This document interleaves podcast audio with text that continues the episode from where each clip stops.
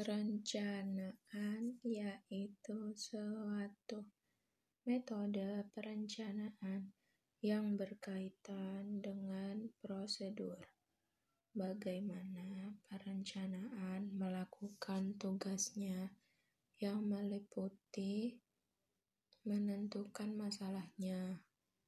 Yang kedua, berusaha mendapat fakta-fakta yang penting atau dibutuhkan. Yang ketiga, analisis sumber informasi. Pilihlah tindakan alternatif. Terus yang terakhir, pertimbangkan alternatif itu dan ambillah keputusan.